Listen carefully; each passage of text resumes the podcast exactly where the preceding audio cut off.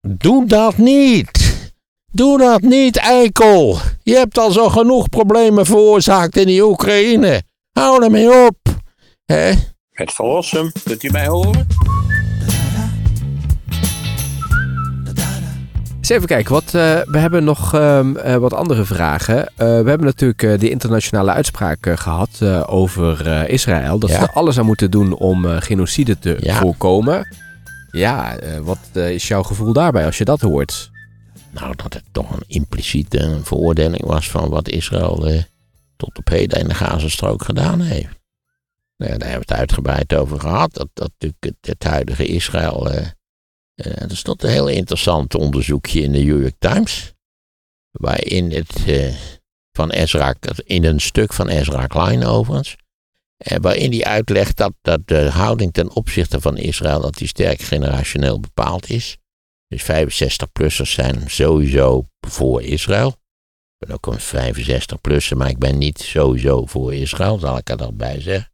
En dan laat hij zien eigenlijk hoe met name Israël de jeugd echt totaal kwijt is. Dus dat, dat, en dit gaat over de Verenigde Staten vanzelfsprekend. Traditioneel een zeer uitgesproken pro-Israël land. Eh, en dat de jeugd eh, nou, echt, echt massaal het optreden van Israël afwijst. En dat is wel een teneur eigenlijk in de New York Times, die natuurlijk eh, weliswaar natuurlijk een enorm bestand heeft aan Joodse abonnees, maar niet, niet, bepaald niet pro Netanyahu is. Dat natuurlijk al heel lang, ja, dat Netanyahu weg moet. Dat Netanyahu ja, de meest, de meest uitgesproken anti-reclame voor Israël is die maar denkbaar is. En dat lijkt mij volkomen juist, eerlijk gezegd. En nou ja, de New York Times koers nog steeds op de twee-staten-oplossing. En nou ja, Netanyahu heeft eh, trouwens eh, nooit een geheim gemaakt van het feit dat hij daar radicaal tegen is. En dat hij een twee-staten-oplossing ziet als een, een, een dodelijke bedreiging voor Israël op langere termijn. Dus ja, eh, Israël heeft, nou, dat hebben we uitgebreid besproken, natuurlijk al, al over de laatste nou ja, decennia natuurlijk enorm veel sympathie verspeeld. Je, moet- echt goed je best doen om, om, om, om sympathie te hebben voor het Israëlische regeringsstandpunt. Maar ze hoeven niets te doen met deze uitspraak, toch? Die kunnen ze naast zich neerleggen. Nee, nee, het was ook een voorlopige uitspraak bezig, maar toch de teneur was, de onderliggende teneur was dat het nou, ja, een soort van veroordeling was Ja. van Israël. Moeten de Verenigde Staten hier iets mee? Kunnen die hier iets mee? Nee, die doen er niks mee. Kijk, Biden zit natuurlijk in een afschuwelijk dilemma. Dat hij in feite vindt, wat volgens mij die Blinken daar steeds gaat eh, berichten. Van eh, hou een godsnaam op met deze, met deze verwoestende poppenkast. Die jullie aan het opvoeren zijn. Eenmaal afgezien van het, de gruwel van Hamas. Dat was allemaal erg genoeg. Was dat een oorlogsmisdaad? Ja, dat was het. In allerlei opzichten. Maar ja, de, het antwoord is wel vrij laten we zeggen, over de top. Dat had, dat had anders aangepakt moeten worden, naar mijn gevoel. Eh, maar goed, wie, ik ben er niet over gebeld, dat begrijp je. Dat is het probleem toch eigenlijk van, van alle mensen die eh, in studio's zitten en in, aan, aan bureaus zitten en stukjes schrijven en verhalen houden. Ja, dat ze het zelf niet hoeven te doen. Dus dat ze het in principe altijd beter weten. Hè? Niet altijd beter weten, maar goed. Ja, dat zei Kissinger toch ook nog eens een keer. Zei, ja, jullie hebben wel makkelijk lullen. Hè? Alsof er allemaal hele, hele fijne alternatieven zijn. Maar zei hij, ik moet altijd kiezen tussen, niet, niet tussen goed en kwaad, maar tussen twee kwaden. Dat is mijn keuzeprobleem. Je weet, het was een heel intelligente man, dus hij wist er overal wel uit te lullen. En hij heeft ook dingen grondig verkeerd gedaan. Maar dit is toch wel een kwestie die je aan moet trekken. Ja, dat je, dat je natuurlijk altijd eh, de luxe hebt van het beter weten aan de zijlijn. Ja. Hè? Wie, wie, van, wie heeft nooit naar een voetbalwedstrijd gekeken en geroepen van... Hoe is het mogelijk? Die had ik er makkelijk ingeschoten. Zelfs ik had het... Nou ja, hè? ja, zo werkt dat. En dat is natuurlijk een metafoor. Alles wat je over voetballen zegt is eigenlijk een metafoor. Misschien is voetballen wel zo populair omdat het eigenlijk één gigantische metafoor is. Maar hoe verklaar je dat Israël voor wat er toen is gebeurd in oktober, eh, wat natuurlijk gruwelijk was, dat ze daar zoveel eh, onschuldige burgerslachtoffers voor willen straffen? Je Ja, kunt ook zeggen, men, we zoeken... zegt dat er meer dan 20.000 doden zijn gevallen. Ja, dat is gruwelijk.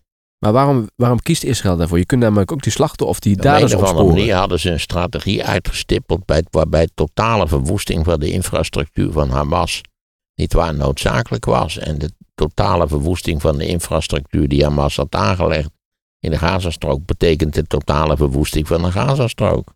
Nou ja, dat is wat er gebeurd is. Ja, Bovendien blijkt dan nu nog dat medewerkers van de UNHCR, dat die, dat die ook betrokken waren bij, dat, eh, bij die verrassende aanval van Hamas. Waarvan overigens nog steeds niet verklaard is waarom Israël er wel van wist, maar er niets aan gedaan heeft. Dat blijft Nee. een raadselachtige zaak. nee. Nee, er zijn dus nu ook allemaal organisaties in Nederland die weer de steun... ja, daar werd het, het, het, eh, vergelijking werd gemaakt, god, ik ben alweer vergeten, met de Yom Kippur-oorlog. Wat ze ook min of meer aan, ja, waarbij ze ook hebben zitten pitten. Ja. Uiteindelijk is dat dan wel goed afgelopen natuurlijk. Maar ze hebben wel zitten pitten, ja. Ja. Maar internationaal neemt de steun voor Israël toch langzaam wel af. Want eh, ja, weet je, ze trekken zich nergens wat van aan. Ze gaan gewoon door. ja zeker. stoppen maar goed, niet. dat is altijd Israëls aanpak geweest. Jullie kunnen weten alles beter, maar wij bepalen zelf wat er gebeurt. Totdat de Verenigde Staten een keer komen en zeggen: hé hey jongens, nu stoppen. Want, Ja, en dan moeten de Verenigde Staten nog dreigen met, met echt ingrijpende maatregelen. Dus jullie krijgen de informatie niet meer. Eh, jullie krijgen geen wapens meer. Nou ja, gaan ze maar door. Wat denk je dat eh, als Trump al aan de macht komt, wat hij hiervan vindt? Is dat bekend? Ja, Trump is een groot supporter van Israël. Van Israël, dus die gaat gewoon door. Ja, zeker. Ik denk zelfs nog eh, aanzienlijk ongenuanceerder dan eh, wat er nu zit. Ja. Maar zo'n uitspraak, hoeveel waarde moeten we daar dan aan hechten als dat dus wel een uitspraak is? puur symbolisch. Maar het, het, het, het laat zien dat de steun voor Israël, dat, dan, dat, ja, dat de rafels daarbij hangen. Dat, dat heel veel mensen zeggen, ja, dit, dit valt niet meer te steunen. Ja. Dit valt niet goed te praten. Dat was ook, eh, dat hoorde ik Arend Jan eh, ook nog zeggen, Arend Jan Boekenstein. eh, dat, ehm, ja, hij is heel duister. Hè? Hij ziet het allemaal, hij ziet één grote oorlog ziet hij voor zich, ook op het ja, ik begreep dat dat nu het populaire standpunt onder deskundigen is. Dat, nou ja, dat we feitelijk, want het is nu 2024, ik moet nog even wennen, maar dat het volgend jaar de Wereldoorlog begint. Ik geloof er niks van. Ja, maar Arend Jan is ook heel duister. Die, die ziet allemaal oorlogen en, en Poetin. En Poetin gaat verder dan Oekraïne, want dat heeft hij al aangekondigd. En eh, Ja, dat kan Poetin misschien wel willen. Ik weet niet precies wat Poetin wil trouwens, maar ondertussen bevindt Poetin zich in een situatie waarin hij eh, helemaal in het oosten van de Oekraïne een op zichzelf ondertussen sterk, eh, mega versterkte defensieve positie verdedigt. Maar, maar die, wat, wat ik ervan hoor van al die generaals, dat die morgen van plan is om de Baltische Republieken aan te vallen, kom nou gauw. Eh, ik bedoel, je kunt toch moeilijk zeggen dat de interventie in de Oekraïne een groot succes is geworden voor, voor Rusland. Het tegendeel is het geval. Het is natuurlijk een enorme mislukking geworden. En waarom dat eh, Poetin aanleiding zou geven om een, een omvangrijke eh, Europese oorlog te gaan voeren, die hij absoluut niet winnen kan, die bovendien in no time zo escaleert dat de Verenigde Staten daarbij betrokken zullen raken, dat is gewoon gelul. Net zo goed als die oorlog tussen China en, en, en de Verenigde Staten gewoon gelul is. Maar het scenario wordt er je vaak voorbij hoort komen, is dat Poetin een keer die Baltische Staten gewoon binnentrekt, zich dan weer terugtrekt en dan kijkt van wat er gebeurt. Omdat hij weet dat nou, hij zal daarvan opkijken wat er dan gebeurt. Maar hij denkt, ja, die NAVO die is zo verdeeld. Dat denkt hij helemaal niet. De NAVO is helemaal niet verdeeld. Als er nou iets opvalt natuurlijk bij de NAVO, is dat de NAVO in het geval van de Oekraïne helemaal niet verdeeld was. In het begin, maar nu niet meer. Nou, ja, wie, wie zijn daar tegen? Hallo, dan hebben we het dan weer over Slowakije en over Hongarije. Twee dwergstaatjes die door halve garen bestuurd worden. Dus daar moeten we nou ook niet al te moeilijk over doen. De NATO, dat zijn A, de Verenigde Staten. En dan is het een hele lange tijd helemaal niks. En dan hebben we nog Frankrijk en Engeland. Dat zijn ook landen die militair gesproken misschien minder zijn dan Rusland. Maar als we allemaal, wat ik al eens gezegd heb, botje bij botje leggen. Wij zullen zeker als, stel voor dat Rusland eh, kwade intenties heeft, dan zullen we zeker in eerste instantie verliezen. Maar we zullen in laatste instantie altijd spectaculair winnen. En dan kan het misschien eindelijk met dat godvergeten klote Rusland afgelopen zijn. Misschien moeten we het gewoon opdelen in stukken of zo. Eh, maar in ieder geval eh, dat het niet nog een keer. Want het is natuurlijk gewoon. Het leek, het leek wel klaar met Rusland. Nou ja, dan zullen de Russen zeggen, ja, dat is jullie eigen schuld. Jullie hebben ons eigenlijk in het defensief gedrongen. En jullie hebben ons vernederd toen dat, toen dat eh, aan de orde was. Dus, nou, we zijn terecht boos. Ik weet niet of de- of terechte woede, of wat je daarvan ook denken mogen, niet waar, voldoende is. Kijk, Poetin zelf heeft er weer een dictatuur van gemaakt, toch? Al lang voordat hij aan die Oekraïne begon, had hij er een dictatuur van gemaakt. Ja, maar je krijgt op een gegeven moment ook, Het eh, is toch ook een beetje de wraak van de FSB. Hè?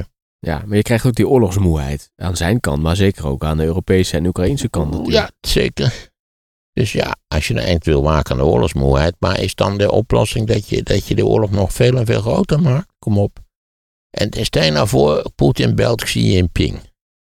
En die zegt Xi, of Jinping, ik weet nooit, is, hoe is het daar met voor- en achternaam, dat weet ik Ja, geen idee.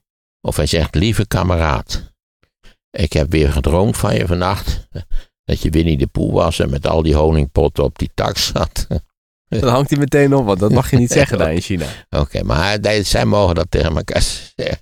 En dan zegt Poetin, zegt, het is een leuk idee, want die lui in het Westen die zijn enorm verdeeld geraakt en die hebben er een beetje genoeg van. Ik, mijn, mijn, ik ga, ik ga dat hele, dat hele Oost-Europa wat ik kwijt ben geraakt in, na 89, dat ga ik terugveroveren. Wat denk je dan dat Xi zegt? Doe dat niet! Doe dat niet, eikel! Je hebt al zo genoeg problemen veroorzaakt in die Oekraïne. Hou ermee op! Ik, wil, ik wil handel drijven. Zo. Nee, maar ik hoorde al, jij maakt je totaal geen zorgen. Dus waar, waar Arend Jan heel erg zwartkijker is. Nee, ik ben, maak mij totaal geen zorgen. En dat wil zeggen, ik, dat ik me helemaal geen zorgen maak, betekent niet. Ik vind wel dat we ook aan Poetin moeten laten zien dat we militair goed voorbereid En zijn. dat zijn we nu niet. Nee, dat zijn we voorlopig niet. Maar de Amerikanen zijn in principe strategisch goed voorbereid. Die besteden per slot van rekening een, een, een aanzienlijk groter percentage van een veel grotere economie aan militaire uitgaven. Of die allemaal even verstandig zijn, daar ga ik het nu ook niet over uitspreken. Waarschijnlijk niet, maar dat is altijd zo in vredestijd.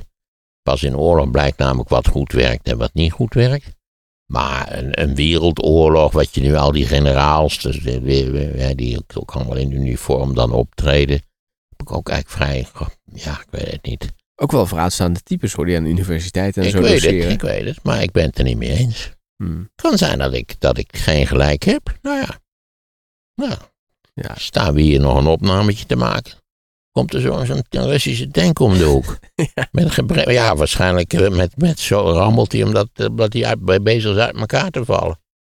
Maar wat zou dan jouw boodschap zijn aan een Arend Jan, die daar toch wel heel negatief Ik over zou is? zeggen, Arend Jan, eh, hou op met die bangmakerij. Daar worden allerlei mensen zenuwachtig van. Je hebt geen poot om op te staan om dat daadwerkelijk ook te bewijzen, naar mijn idee. Maar dat neemt niet weg dat, dat de NATO, en met name de Europese poot van de NATO, dat die aanzienlijk versterkt moet worden. En dat we wat meer geld moeten steken in de voorbereiding van een, ja, civis par, eh, parabellum. Civis pacem parabellum, zegt het Latijnse spreekwoord. Wie, wie eh, vrede wil, moet zich voorbereiden op de oorlog. Daar zit wel wat in.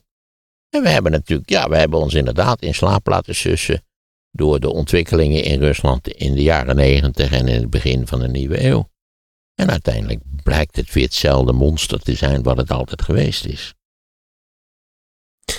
Ja, en de NAVO misschien binnenkort met eh, Rutte hè, als zijn nieuwe voorman. Ja, nou, eh, eh, ze moeten daar wel goed op letten dat hij dus heel weinig actief geheugen paraat heeft. Dus dat hij, dat hij graag de heer Rutte, misschien wilt u meteen op papier zetten wat u nu gezegd heeft. En dan archiveren wij dat ook onmiddellijk met speciale parafen en, en, en zegels, nietwaar, zoals dat in de middeleeuwen ging. Maar voor de rest bent u van harte welkom. Dat hoor je nu toch ook van. Hè? Is eh, Rutte zo pro-Israël omdat hij dat eh, baantje bij de NAVO Ja, wil? ja, met die problemen dat het ministerie had. En toen had het, men beweerde dat het ministerie had.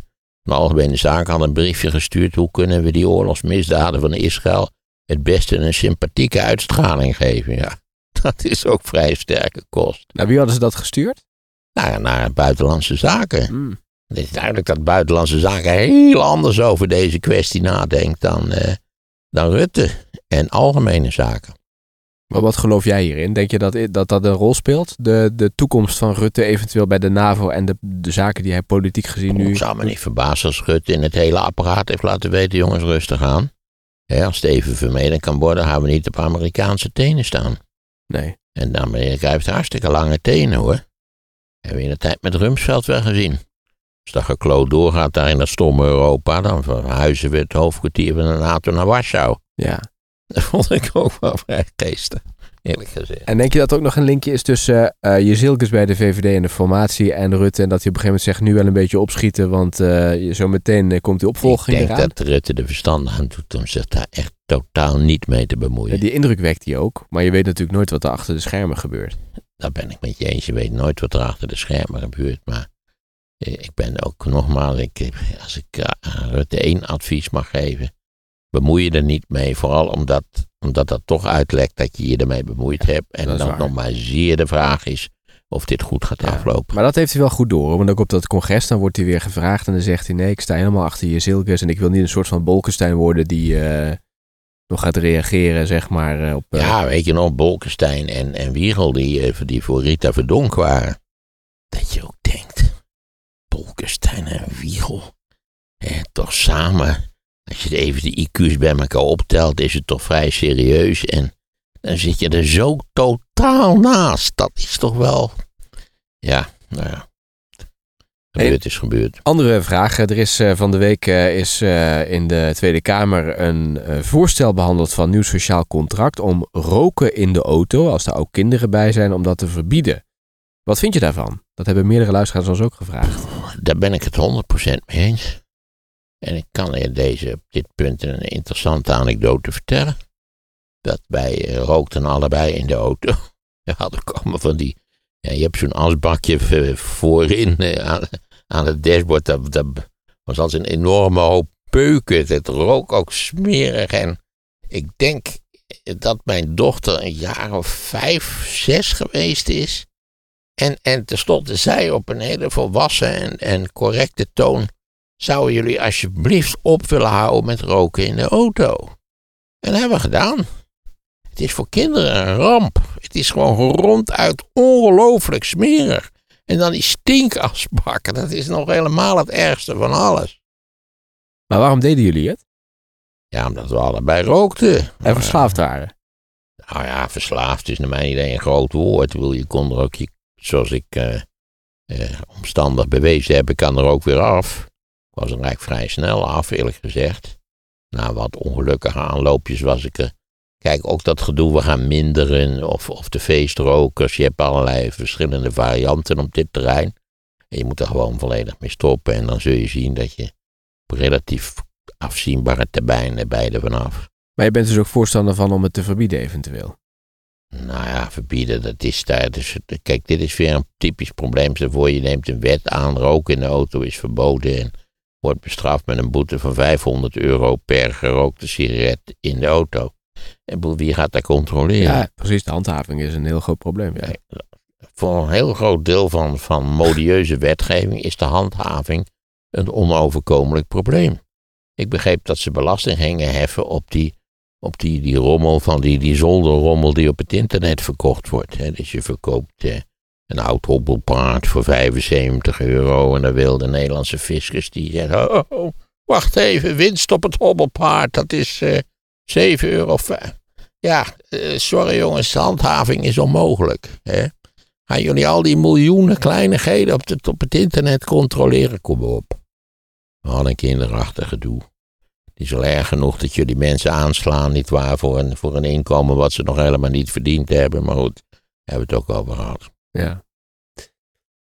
Maar er zijn ook mensen die zeggen het is wel betutteling, want we bepalen zelf wel waar we roken. Of nou ja, dat het woord betutteling in dit verband zou ik zeggen. eh, wat dacht u van uw kinderen? Wat dacht u thuis waarschijnlijk van uw eigen kinderen? Want neem aan dat u niet vo- voortdurend achterin eh, 26 eh, gezellige straatgenootjes heeft zitten of zo. Nee, het zijn uw eigen kinderen die het verdomd smerig vinden van nature. Dus nogmaals, ik, het, wij, wij hebben om eigenlijk vrij. Pas toen, we, toen zij dat zei, en het, ze was echt nog een, nou, peuter is niet het juiste woord, ik weet niet wat is, iemand van een jaar of vijf, zes. En het was heel overtuigend dat het ontzettend smerig was gewoon. Ja. Deden jullie het thuis ook? Ja, thuis pasten we natuurlijk ook, ja. Ja, mijn, mijn vrouw heeft natuurlijk van die fijne fameuze periodes gehad. Als je zwanger bent, rook je niet. En ja, zijn wel van die periodes geweest. Maar er was toch ook een stevige roker. En ik was ook een hele stevige roker. Dus ja, kijk aan. En we roken allebei al een kwart eeuw niet meer. Ik al, eh, nou ja, het is dit jaar ook een kwart eeuw geleden gestopt ben. Oké. Maar, maar binnen ben je er niet mee gestopt thuis? Toen je niet, nee, kwam? ik ben binnen pas gestopt. eh, nou ja, wat zeg ik, voorjaar. Voorjaar van het jaar 2000 volgens mij. Ja. Ja, ja. De nieuwe eeuw. Het waren, het waren dus niet voornemens, goede voornemens voor het nieuwe jaar, maar voor de nieuwe eeuw eigenlijk. ja. Ik rekende in even met mijn slechte gewoontes.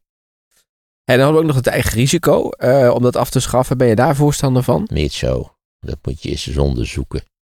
Omdat je dan natuurlijk toch een kans hebt dat er een eh, storm loopt met klein, van kleine klachten ontstaat. Ik weet niet hoe dat zit.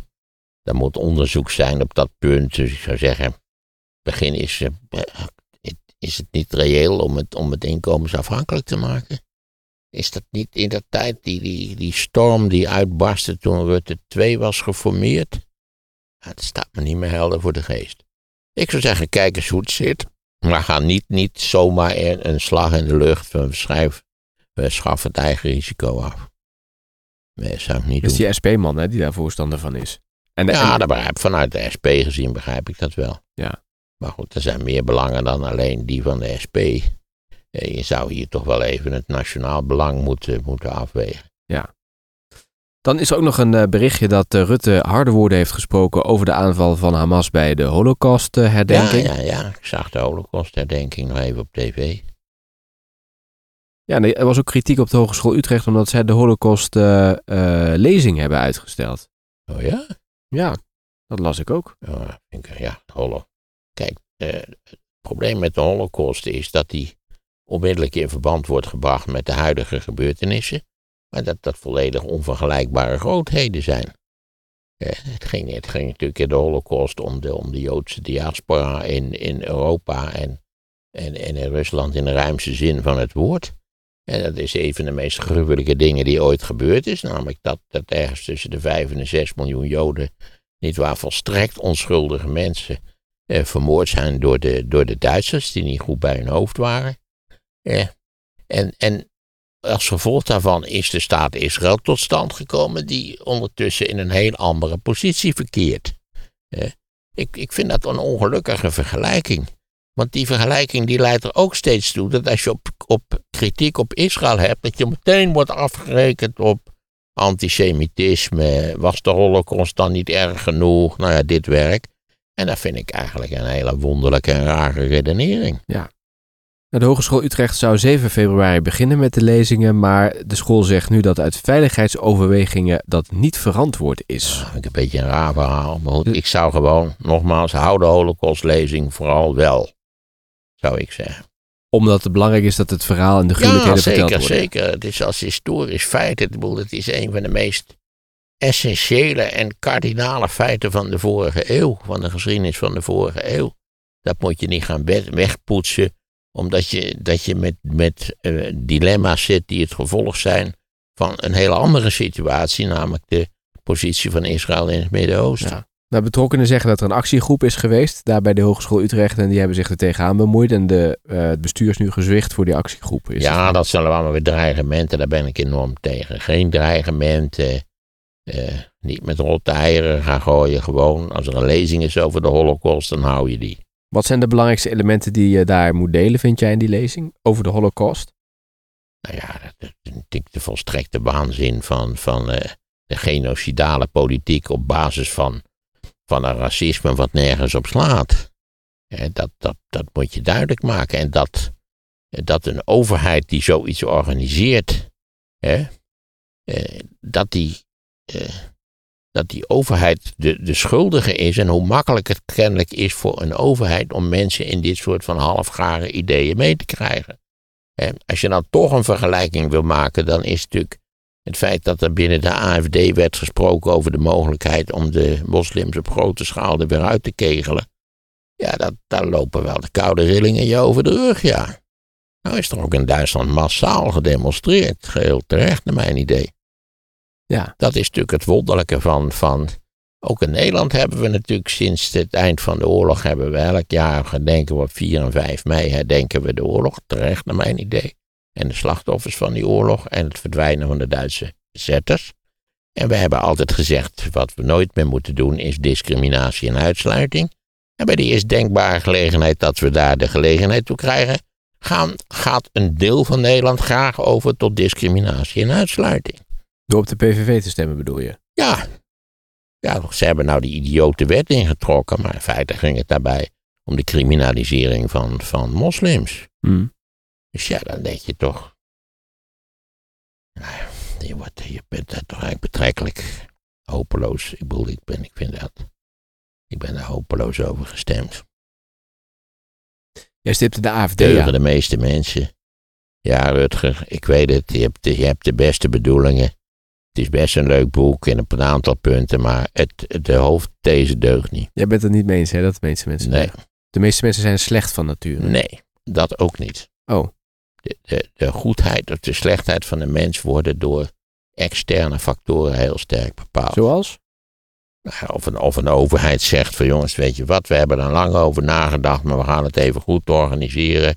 U bent zelf toch ook ervoor dat dit kan zo niet, we gaan er iets aan doen. Hè? De Joden beheersen de pers, de Joden bezitten de grote warenhuizen. Ik heb het even over de Weimarrepubliek. Dat moet aangepakt worden. Ja, en dan denkt zo'n bevolking, ja, dan. eh, kijk, je, je, vindt altijd meelopers, dus ja. eh, eh, goed en kwaad zijn heel sterk situationeel bepaald. Is de mens goed van nature? Nee. Is de mens slecht van nature? Ook niet. De mens is een kuddedier.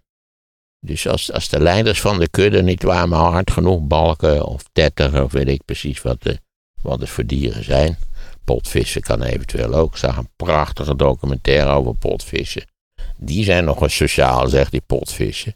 Die zitten er bij dat zwemmen voortdurend bonken ze tegen elkaar. En zijn ze elkaar aan het besnuffelen. En soms zijn ze met hele grote eh, soort, van, soort van politieke congressen van potvissen kennelijk. Dat ze zo'n honderden bij elkaar zwemmen.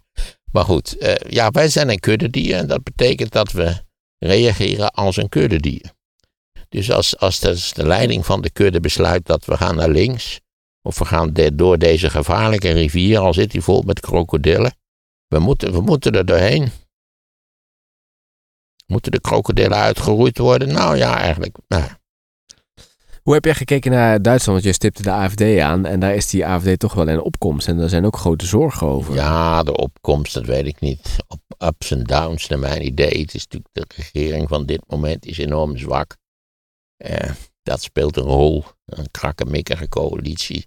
Waar het niet goed meer gaat. Scholz is in feite onzichtbaar. Het is ook een hele ongelukkige afwisseling met, met, met Merkel, die natuurlijk een soort, soort geboren sympathieke leider was, zou ik maar zeggen. Gewoon, maar toch, eh, maar toch de baas. Eh, en het gaat natuurlijk ook economisch op dit moment heel matig met Duitsland. Dus tel dat allemaal bij elkaar op. En ik denk dat dat wel een deel is van het succes van de AFD. En de AFD is natuurlijk, ja. De AFD is het, is het, is het ongelukkige monster wat de DDR gebaard heeft. Kijk, de DDR dreef op, de, op het sprookje dat het, het fascistische Duitsland, of de erfgenaam van het fascistische Duitsland, was de Bondsrepubliek. En zij waren het antifascistische Duitsland.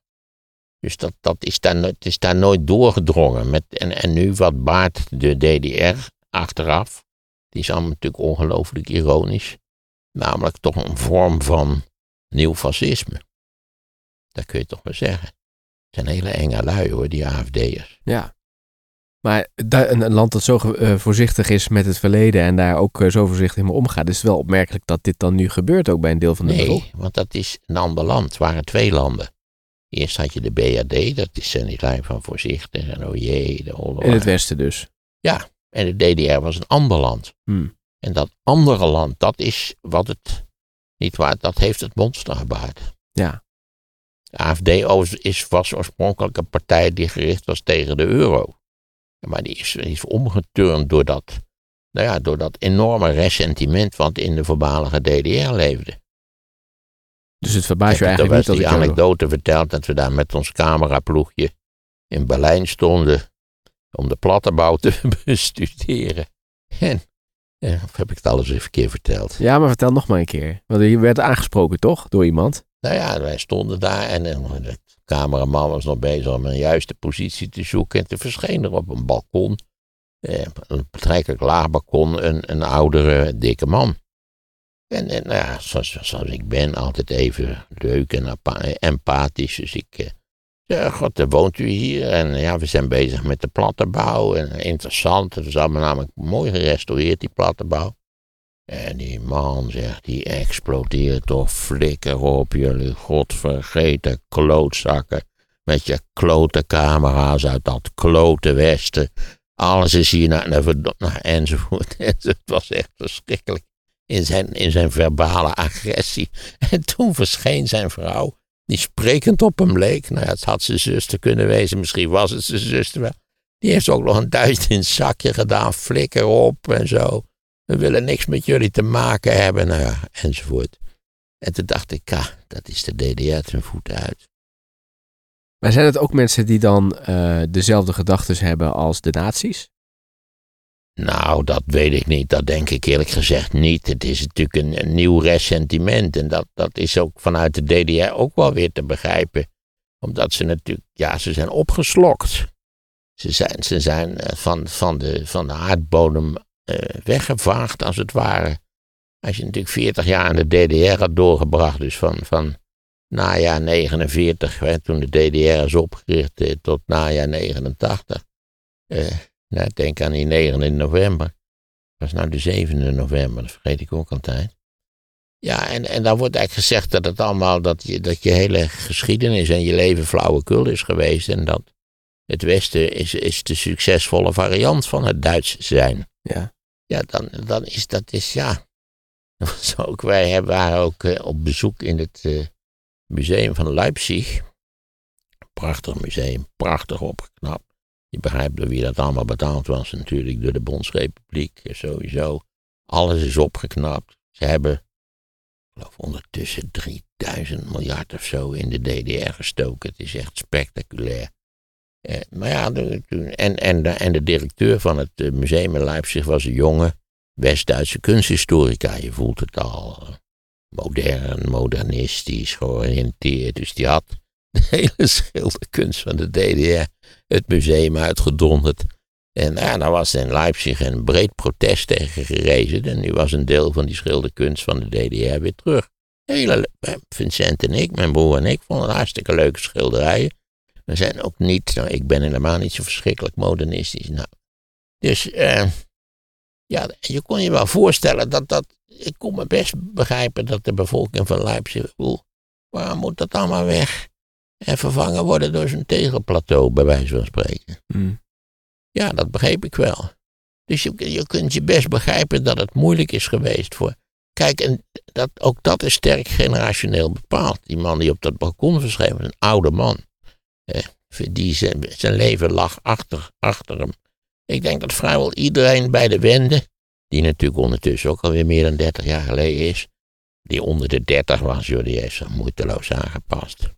We hebben meerdere malen met jonge mensen gesproken en eh, nou ja, die, die moesten ook helemaal niks van de AFD hebben. Die schaamden zich een beetje voor de AFD. Dus ja, voor die was het een bevrijding in allerlei opzichten. Net zoals voor ons. Nou nee, het is toch iets totaal anders. Nou ja, nee, ik wou zeggen, net als voor ons de jaren zestig een bevrijding waren. Die nu in een kwade reuk zijn komen te staan. En wie had nou toch kunnen denken dat die benepen eh, jaren 50, dat dat nog een soort van nostalgisch nationalisme zou kunnen opwekken. Mm. Ja, dus dat, dat is de DDR. Nogmaals, als je denkt wat gek. En dan vind je altijd wel in de BRD ook wel. Maar als je dus naar de cijfers kijkt, zie je hoe het enthousiasme voor, voor de AFD. Dat was bij de laatste, dacht ik, nationale verkiezingen. Was de minst, de kleinste AFD-stem was notabene in Münster. Eh, dus dat is helemaal in het westen van West-Duitsland. Maar jij vindt ze niet gevaarlijk? Ja, zeker wel. Dat wel. Ja, zeker. Het is een klote partij met klote ideeën. Dus ja, Maar wat maakt ze gevaarlijk dan? Nou, stel voor dat ze, dat ze nog meer politieke macht krijgen. Nog... Kijk, het, het, het- een deel van het, het populisme is ook besmettelijk. Het zijn, ja, het zijn simpele oplossingen. Waarom doen we dat nou niet? Dat gezeur, Haagse spelletjes, meneer. Allemaal op, nou ja, dit werk. Hè? Ja. ja, Wilders. Jij bent nu ook bezig met wilde, met Haagse spelletjes. Hè? Wat vind je ervan eigenlijk? Vo- Voelt het een beetje lekker aan, de Haagse spelletjes? Hè? En straks worden ze ook verweten, de Haagse spelletjes. Nou ja, goed. eh, Had je nog gezien trouwens dat die boeren, die hebben ook, eh, ze hadden zo'n overzichtje gemaakt dat niet alleen hier in Nederland die boeren zich roeren, maar in vrijwel elk Europees land. Ja, zeker. En, en, en ik denk wel dat we ze geleerd hebben wat de ongekende mogelijkheden van die trekkers zijn. Ja, maar die zie je overal terugkomen. Ja, ik, ik heb spijt dat ik, ik was toch van plan om een bedrijfje te beginnen. Ja. Voor trekkerverhuur voor protesterenden. Ja, voor Extinction Rebellion ook wel een idee. Ja, joh, fantastisch. En die kun je dan, ze zijn dan groen. En dan kun je die gele stukjes, die kun je dan oververven met groen. En, en je, je moet, eh, iedereen mag eh, vanaf zijn zestiende op een trekker rijden, als ik het heb begrepen. Dus eh, helemaal geen problemen. Ja, dat, nou joh, ik denk dat, dat, dat Nederland vervloekt wordt op Ja. dit punt. Maar ik ben wel benieuwd hoe Europa hiermee omgaat richting de verkiezingen in juni. Want die Ja, Europese... je begrijpt dat dat slecht af gaat lopen. Daar ben ik vast van overtuigd. Maar wat eh, voorzie je dan? Nou ja, dat populistische partijen geweldig zullen scoren.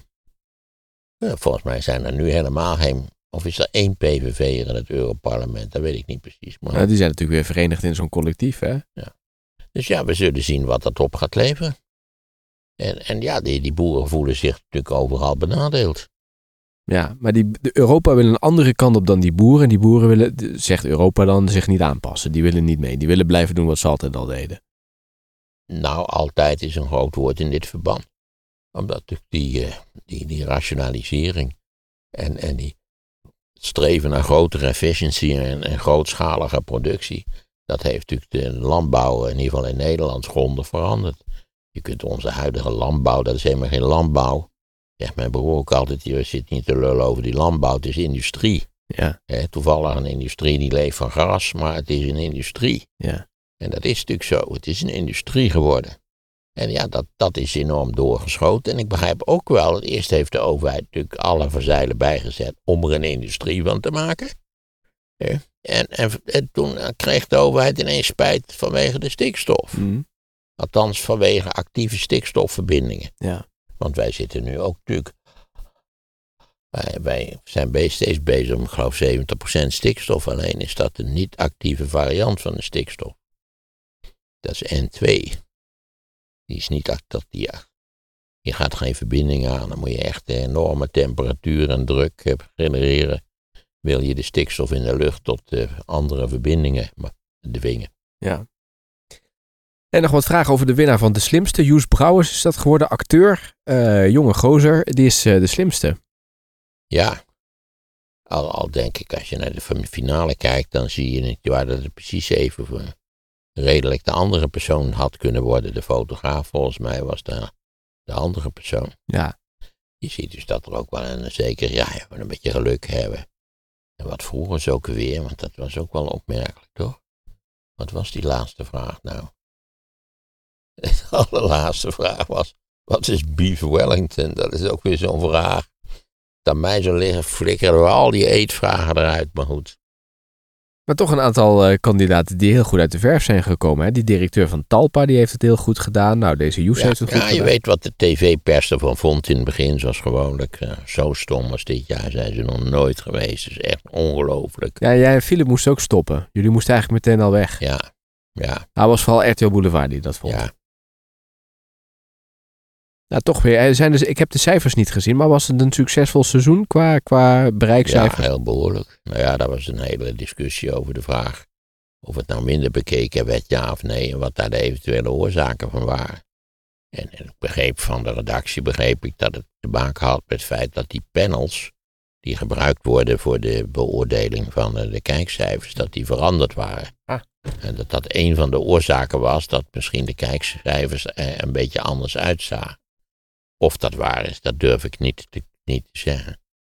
Ik ben sowieso geneigd om te zeggen dat de televisiejournalistiek niet een van de culturele hoogtepunten van het vaderland is. Nee, nee, nee, nee. Maar je blijft het wel leuk vinden om daar ook nog, nu nog twee keer naartoe te gaan, toch? Twee keer eh, om die seizoen te Zeker, maken. ik kan je nu al vertellen dat ik, als ik ermee stop, dat ik dat zou missen. Ik vond het hartstikke leuk om te doen. Ja. Maar er komt misschien is leuk nieuws. werk om te doen. komt misschien wat Je nieuws. zit daar lekker relaxed bij. Ik krijg alsmaar koffie. Eh, ik, ik mag zeggen dat ik Bastien en Adriaan dat ik dat niet geestig vind.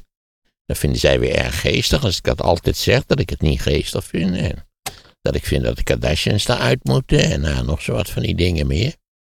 Nou, al die zangeressen waar ik nooit van gehoord heb. En die liedjes die ik niet herken en zo. Maar ben je nog niet gebeld door omroepen voor andere ideeën, nu bekend is geworden dat Nee. dit stopt? Nee. Ja, ik word steeds gebeld voor andere ideeën, maar dat zijn soms van hele vreemde ideeën. We hebben het er toch wel eens over gehad, dat die schaapherder... Ja, maar eh, dat is iets eenmaligs dan, maar niet een nieuw programma, zeg maar, waar jij een rol in krijgt. Nee, maar ik ga er gewoon door met mijn broer. Ja, dat gaat wel door, oké. En eh, we gaan met eh, Emma Wortelboer weer een programma maken. Ah, kijk, dat gaat ook gebeuren, ja. ja. Maar niet een nieuw programma van mensen die zeiden, hé, hey, we, we hebben iets leuks met jou van Rossum. Nee, nou, er wordt wel voorstellen gedaan. En dan zeg je vaak, nou, lijkt me ontzettend leuk.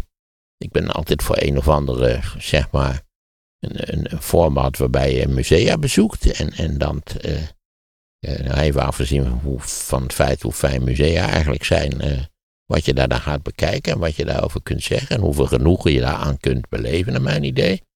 En dan zeg ik altijd, ja, daar voel ik wel wat voor. En dan, nou ja, dan hoor je er nooit meer wat van. Nee. Sowieso is het zo dat, dat je van de, ik zou zeggen van de 999 bijzonder aardige en bruikbare ideeën, eh, zegt Hilversum altijd, ik hou het breed, Hilversum zegt, oh wat een leuk idee, ja, daar, gaan daar moeten we eens even goed over nadenken, Ja. dan hoor je er nooit meer wat van. Nee. Typisch voor Hilversum klinkt dat, eh, klinkt dat zo, toch? Ja, dat is ook wel een beetje typisch voor Hilversum, ja. Ja. Ze hebben daar, nou ja, kijk, ook Hilversum, alles is onderhevig aan mode, trends en verschijnselen. En dat geldt voor Hilversum ook. Ja, nog een vraag van een luisteraar over een column van eh, Caroline de Gruiter in NRC, de krant die jij veel leest. Die zegt van alle waarschuwingen voor een oorlog in Europa komen niet uit de lucht vallen. Eh, dat is natuurlijk toch nog interessant om die vraag even te bespreken in het kader met wat jij eerder al zei van hé, hey, dat is allemaal toch een beetje bangmakerij. Ja, ik denk dat het bangmakerij is met een doel. Namelijk dat Europa eh, zich beter moet voorbereiden op de mogelijkheid van militair conflict. Hoe die precies zal, zich zal manifesteren, dat is de vraag natuurlijk. Eh, De kans bijvoorbeeld, eh, laten we even weer terug naar, eh, naar Taiwan. De kans dat, dat bijvoorbeeld eh, China een soort van D-Day-achtige operatie tegen Taiwan uitvoert, is gelijk aan nul naar mijn idee, want dat Mm. is zo, zo eh, levensgevaarlijk zijn en bijzonder lastig. En evengoed lijkt mij een, een, een massale oorlog van, van Poetin. Ik heb het al eens eerder uitgelegd. Rusland is een tweede rang speler op het wereldtoneel. Ongelukkigerwijs bevindt Rusland zich in een strategisch waardevolle en interessante omgeving, omdat Rusland grenst aan de Europese Unie. Een van de grotere successen in de huidige wereldpolitiek. Eh, bovendien is Rusland beledigd en, en heeft, voelt zich vernederd, omdat Rusland zijn imperium verloren heeft na 89. Wat mij betreft terecht verloren. Eh, dat een deel van het oude imperium weer een nieuwe eigen dictatuur heeft ontwikkeld is vers 2. Dat is betreurenswaardig.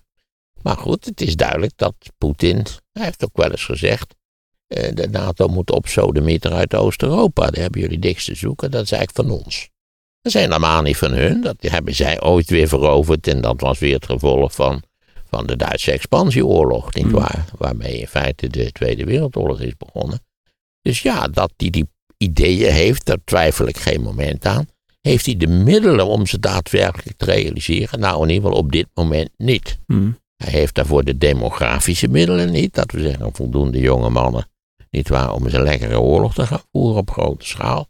Je ziet dat hij al problemen heeft met de huidige oorlog in de Oekraïne, waar hij in feite, als je kijkt naar wat hij heeft, je kunt dat als offensief zien, maar goed, eh, in feite is hij bezig om wat veroverd was, heel makkelijk in 2014, om dat defensief eh, eh, te verdedigen, om dat te verdedigen. Maar is hij een grote oorlog in Europa van plan? Ik kan me dat niet voorstellen. Misschien spelden prikken. Maar wij doen er verstandig aan. Sowieso, ook in verband met de mogelijke verkiezing van Trump, doen we er verstandig aan om in Europa te zorgen voor een goed voorbereid militair systeem. Dat je ook, ook voorraden hebt waar je iets mee kunt. Nu is weer gebleken, zoals altijd blijkt, als er eventjes oorlog wordt gevoerd, dat de voorraden munitie dus veel en veel te klein zijn. Iedereen meteen in paniek. Oeh, oeh, Noord-Korea bellen. De enige volstrekte halve garen die pakhuizen vol met die rommel hebben geproduceerd. Omdat ze verder niks anders produceren. Ja, dus dat, ik vind dat. Ik, ja, ik, ik moet al die generaals die komen zeggen er komt oorlog, dat vind ik, eh, ben ik geen groot. Waarom kunnen we niet in alle redelijkheid niet waar beargumenteren dat het zaak zou zijn om de militaire samenwerking in Europa op een hoger niveau te brengen? dat moet toch niet zo verschrikkelijk moeilijk zijn. Nee. Wij werken ook heel intensief samen met de Bundesweer. Staan we hier nog een opnametje te maken? Komt er zo'n Russische tank om de hoek? Echt fout is dus dat we de dijken doorsteken. Dat is echt fout. Heb je de live podcast over het populisme gemist? Ik acht trouwens de PVV tot alles in staat, maar. Zeker wanneer ze lezen dat de meeste moslims niet kunnen zwemmen. Luister hem nu terug via de link in de show notes. En na de AI-revolutie krijgen we de kwantumrevolutie. Daarover hoor je meer in de podcast Sea Level. Klik op de link in de show notes om direct naar de podcast te gaan.